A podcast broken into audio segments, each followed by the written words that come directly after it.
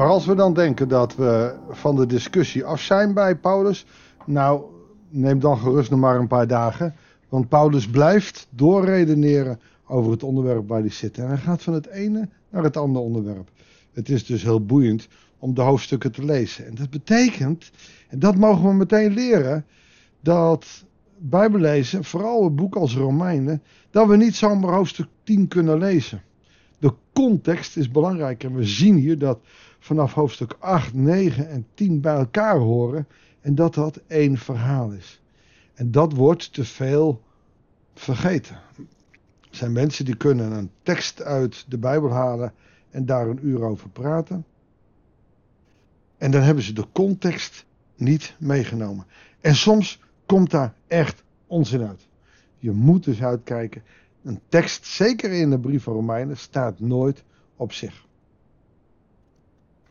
Daarom is het leuk om deze week ook de hele week uit de Romeinenbrief te lezen. Vanaf, vanaf dinsdag gaan we weer naar Matthäus. Ook daarin geldt hetzelfde. Maar we gaan verder proberen uh, te worstelen in hoofdstuk 10 van de Romeinenbrief. Goeiedag. Hartelijk welkom bij een nieuwe uitzending van het Bijbels dagboek.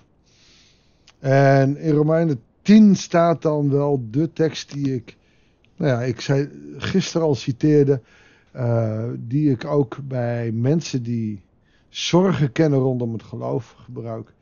Dus het is weer een mooi gedeelte. Maar we beginnen bij vers 5 tot en met 13. Zeker, Mozes zegt over de rechtvaardigheid die op grond van de wet verkregen wordt. Wie doet wat de wet voorschrijft, zal leven. De context daarvan is het Oude Testament.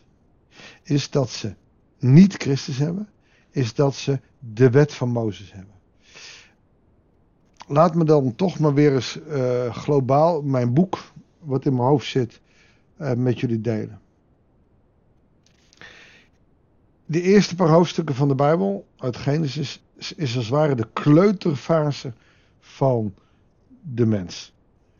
Je leest daar dat als Kain, die straf heeft verdiend, bang is dat, dat God zegt: ik zal jou zevenvoudig wreken. Oftewel, ik zal zorgen dat er niks met jou gebeurt. Ik zal met jou zijn. Ik hou je aan de hand vast. Daarna wordt het al ras anders. Dan wordt het de puberteit. En een puber hou je niet meer aan zijn handje vast. Maar een goede puber durft af en toe eens nog naar de vader toe te gaan. Heeft af en toe een grote mond. Gaat zijn eigen weg. En dat zie je in het Oude Testament. En dan in het Nieuwe Testament is de volwassenheid. Dan moet de mens zijn andere wang toekeren. Oftewel, net een stap verder gaan. Dan niet meer, God doet het wel, dan moet je het zelf doen. Dan kom je in de volwassen stadium van het geloof. De wet van Mozes staat in die puberteit. Hou je aan de regels. Tegen mijn puberkinderen zeg ik, hou je aan de regels. Wanneer mijn kinderen het huis uit zijn, dan kan ik wel zeggen, hou je aan de regels.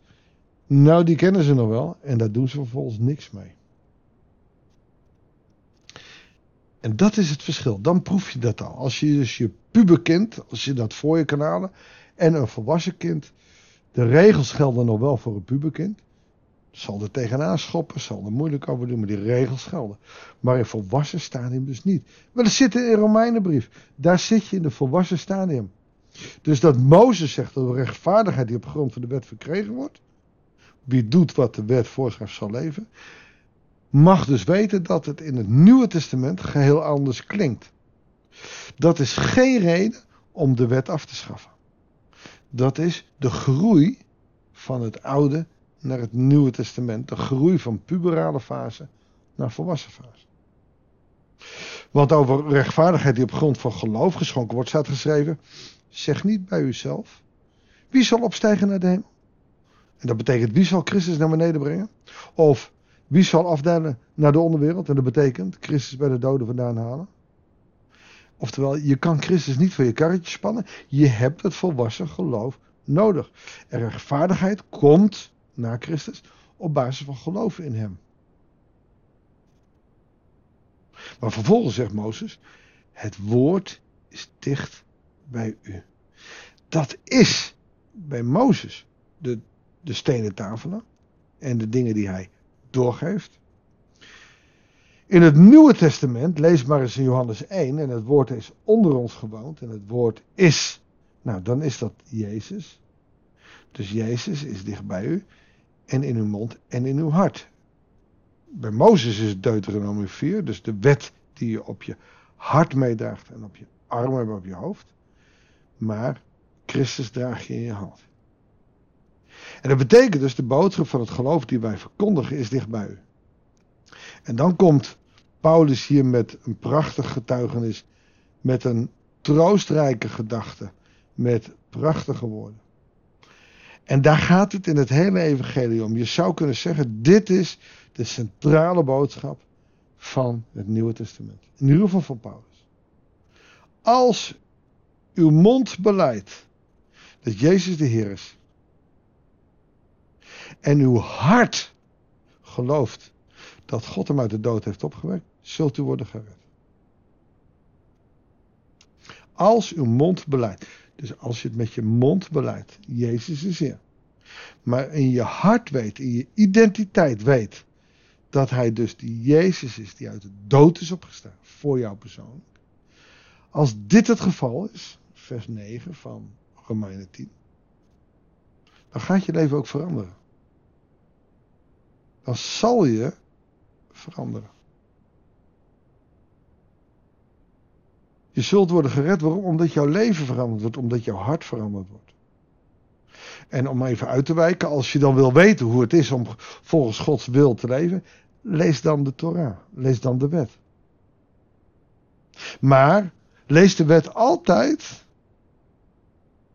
met hoofdstuk 5 tot en met 7 van de bergreden erbij. Want daar verdiept Jezus de wet enorm.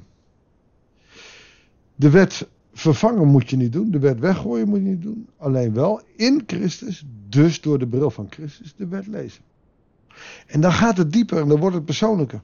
Maar dat is niet erg, want in je hart getuig je dus dat Jezus voor jou is opgestaan. En dat betekent nogal wat. En waarom zegt hij dat zo? Iedereen kan hardop zeggen: Jezus is Heer. Zelfs, nou, moslims zullen het niet zo zeggen, maar die hebben wel: Jezus is een goede profeet. En het is ook heel belangrijk dat hij terug zal komen. Alleen de verdieping van dit vers is in je hart geloven dat God Jezus uit de dood heeft opgewekt. Dat hij daarmee Gods zoon is. Dat hij dus meer is, namelijk God zelf. Dat hij deel is van die drie ene God en alle consequenties die daaraan vastzitten. Als je dat getuigt in je hart, gelooft, dan zul je worden gered. Dan heb je een ticket naar de hemel. Houd daar dus aan vast. En dus al die moeilijke discussies daaromheen zijn belangrijk en goed dat je erin meedoet. Maar dit is de centrumtekst. Als uw hart gelooft, zult u rechtvaardig worden verklaard. Als uw mond beleidt, zult u worden gered. Want de schrift zegt, wie in hem gelooft, komt niet bedrogen uit. Het gaat dus om het geloof. En niet van, oh ik geloof het wel. Nee, ik geloof er zo sterk in dat mijn leven verandert. Een geloof zonder verandering is geen geloof. Dat is gewoon schijngeloof. Een geloof waarbij je leven elke dag toch weer verandert en, en onderwerpig of onderhevig is aan verandering. Dat is oprecht geloof. En dat is niet makkelijk, maar dat is wel boeiend. En dan eindigt hij nog weer, er is geen onderscheid tussen Joden en andere volken. Want ze hebben alle dezelfde Heer. Hij geeft zijn rijke gaven, dat is zijn liefde en zijn genade, aan alle die hem aanroepen. Want er staat geschreven: Ieder die de naam van de Heer aanroept, zal worden gered. Dat lees je in Joel 3, vers 5, Handelingen 2, vers 21. Ieder die de naam van de Heer aanroept, wordt gered. Nou ja, als uw mond beleidt dat Jezus de Heer is en uw hart gelooft dat God hem uit de dood heeft opgewekt, zult u worden gered. Mag ik voor je bidden? Heere God, wilt u door de kracht van uw Heilige Geest onze mond uitmaken om te getuigen dat Jezus Heer is. Maar wilt u ook onze identiteit, ons hart, volmaken van het geloof dat u uw zoon uit de dood hebt opgewekt, zodat wij worden gered. Want dat is wat we willen, Heere God. En daar hoeven we niet heel veel voor te doen. Daarvoor moeten we geloven dat u onze redder bent. Heer, zegen ons zo vandaag, de dagen die komen gaan. Dat we daarmee mogen bezig zijn. Dat bidden we u in Jezus' naam. Amen. Dankjewel voor het luisteren. Ik wens je God zegen en heel graag tot de volgende uitzending van het Bijbels Dagboek.